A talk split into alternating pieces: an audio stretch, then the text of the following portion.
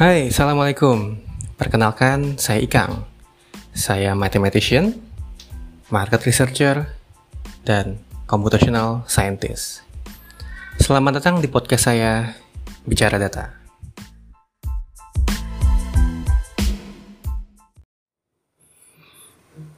Hai, kembali lagi di podcast saya, Bicara Data. Nah, berhubung judulnya adalah Bicara Data, sekarang uh, yuk kita ngomongin tentang si data itu sendiri tuh apa sih gitu ya? Secara definisi tuh gimana sih data itu gitu ya? Kalau teman-teman googling di luar sana tuh banyak banget uh, definisinya tentang data itu apa gitu. Mungkin saya akan ambil yang paling simple dan yang paling apa ya paling kena buat saya gitu ya. Definisi data yang saya pahami adalah representasi faktual dari suatu observasi atau pengamatan gitu ya. Jadi kalau teman-teman uh, mengamati apa, mengobservasi apa gitu ya, atau uh, melakukan transaksi apa gitu ya, dokumentasi dari uh, faktual tersebut itu yang tercatat ya, itu adalah uh, data gitu ya. Nah, bentuknya sendiri tuh macam-macam kalau dulu pertama kali selesai kuliah di tahun 2008 kalau saya dengar kata data yang terbayang di otak tuh tabel Excel. Ngolahnya ya pakai Excel atau pakai SPSS tapi kalau sekarang kan macam-macam ya. Kita posting di sosial media uh, di sosial media gitu ya. Berupa tulisan berupa foto berupa audio berupa video itu adalah data gitu atau kita uh, share geolocation, geotagging gitu ya. Itu juga termasuk data gitu. Hasil-hasil survei, chatting, dan lain sebagainya itu udah termasuk ke data. Oleh karena data itu sekarang udah uh, melebar ke mana-mana gitu ya. Jadi data tuh kita bisa bikin uh, apa ya? Kita bisa lihat oh nih jenis-jenis data tuh ada data ini, ini, ini, ini tergantung dari uh, kita mau lihat di sudut pandang apa Contoh paling gampang deh, kalau di data science gitu ya. Itu ada pembagian data itu ada yang namanya data structure sama unstructure gitu ya. Dan ada di tengah-tengah nih semi structure gitu ya.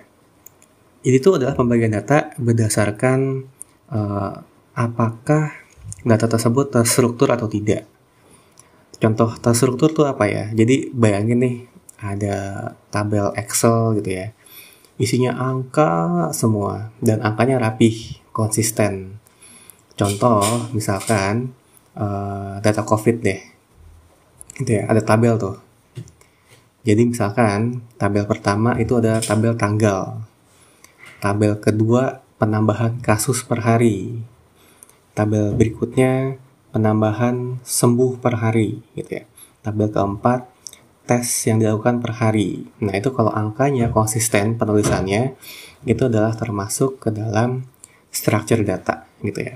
Atau kalau ada yang mau nambahin misalkan oh provinsi nih Provinsi Jakarta, Jawa Barat selama penulisannya itu konsisten, rapi, itu udah termasuk ke dalam contoh data terstruktur, structure data.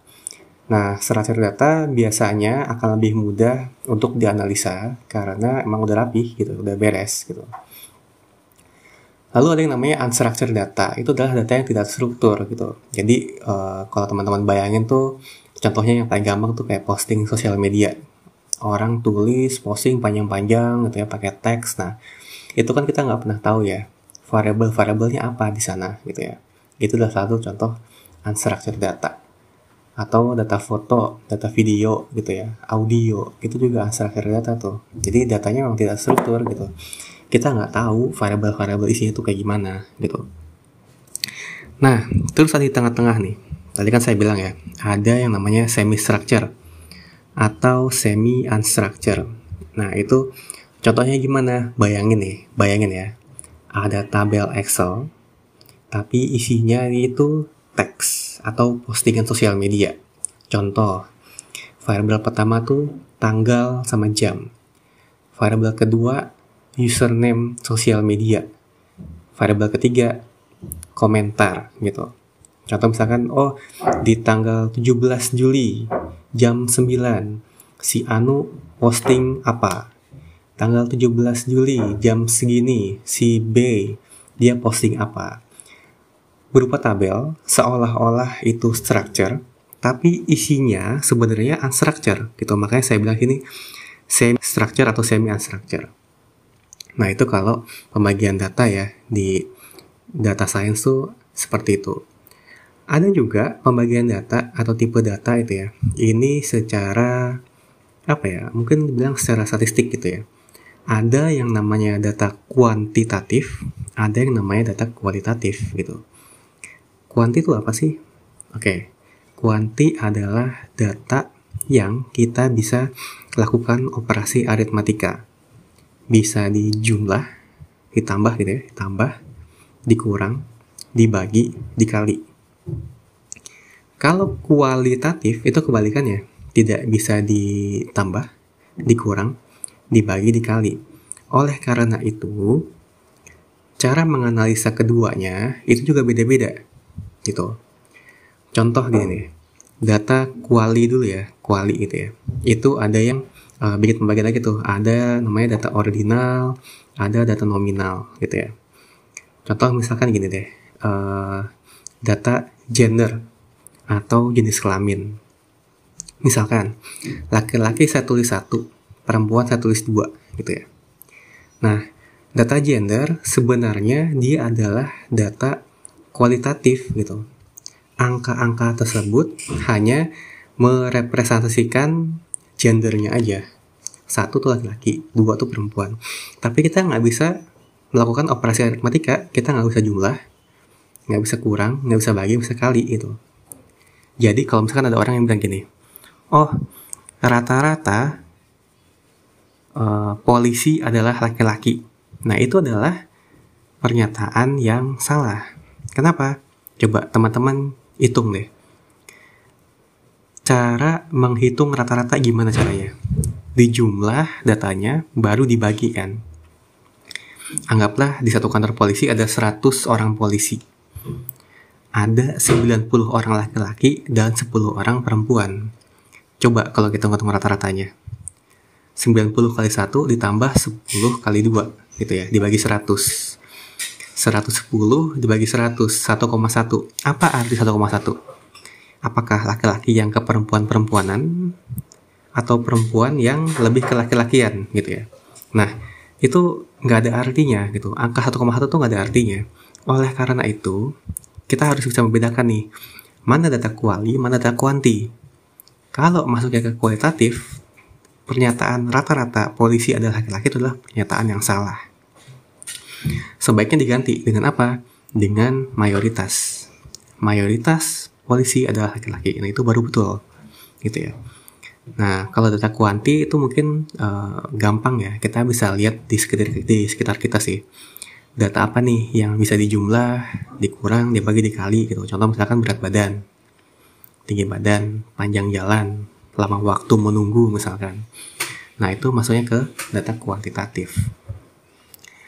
Ada juga uh, pembagian data berdasarkan sumbernya gitu ya.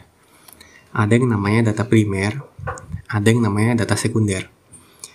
Data primer itu adalah contohnya ya, itu adalah data yang berasal dari sumber pertama. Jadi kita sendiri nih, kita yang mengambil data dari sumbernya. Bisa hasil wawancara, bisa ngambil dari mesin, dari sensor gitu ya. Ada juga data sekunder, itu adalah data yang berasal dari sumber data lain yang sudah pernah diolah.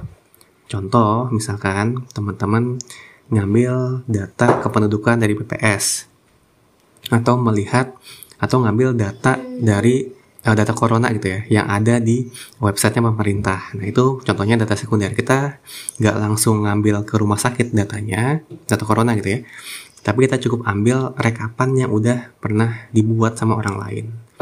Nah itu contohnya primer sama sekunder. Mungkin pertanyaannya adalah kapan kita pakai data primer, kapan kita menggunakan data sekunder? Ada yang bisa jawab? Ya, kita akan pakai data primer saat sekundernya nggak ada. gitu ya. Jadi kalau kita dikasih satu penelitian, disuruh mengadakan suatu project terkait data, kita harus cek dulu nih, ada nggak sih data sekundernya? Kalau ada, kita pertimbangkan untuk pakai. Tapi kalau nggak ada sama sekali, ya mau nggak mau kita harus mencari data primer. Karena mencari data primer adalah uh, butuh effort ya, butuh effort, butuh waktu, tenaga dan biaya. Sementara kalau sekunder relatif lebih gampang, relatif ya, gitu. Nah nanti kalau kita ternyata ada data sekundernya, ya kita pertimbangkan untuk pakai. Ingat ya, pertimbangkan, jangan langsung dipakai, dipertimbangkan dulu. Gimana cara mempertimbangkannya? Nanti akan saya bahas di uh, podcast episode selanjutnya. Terima kasih.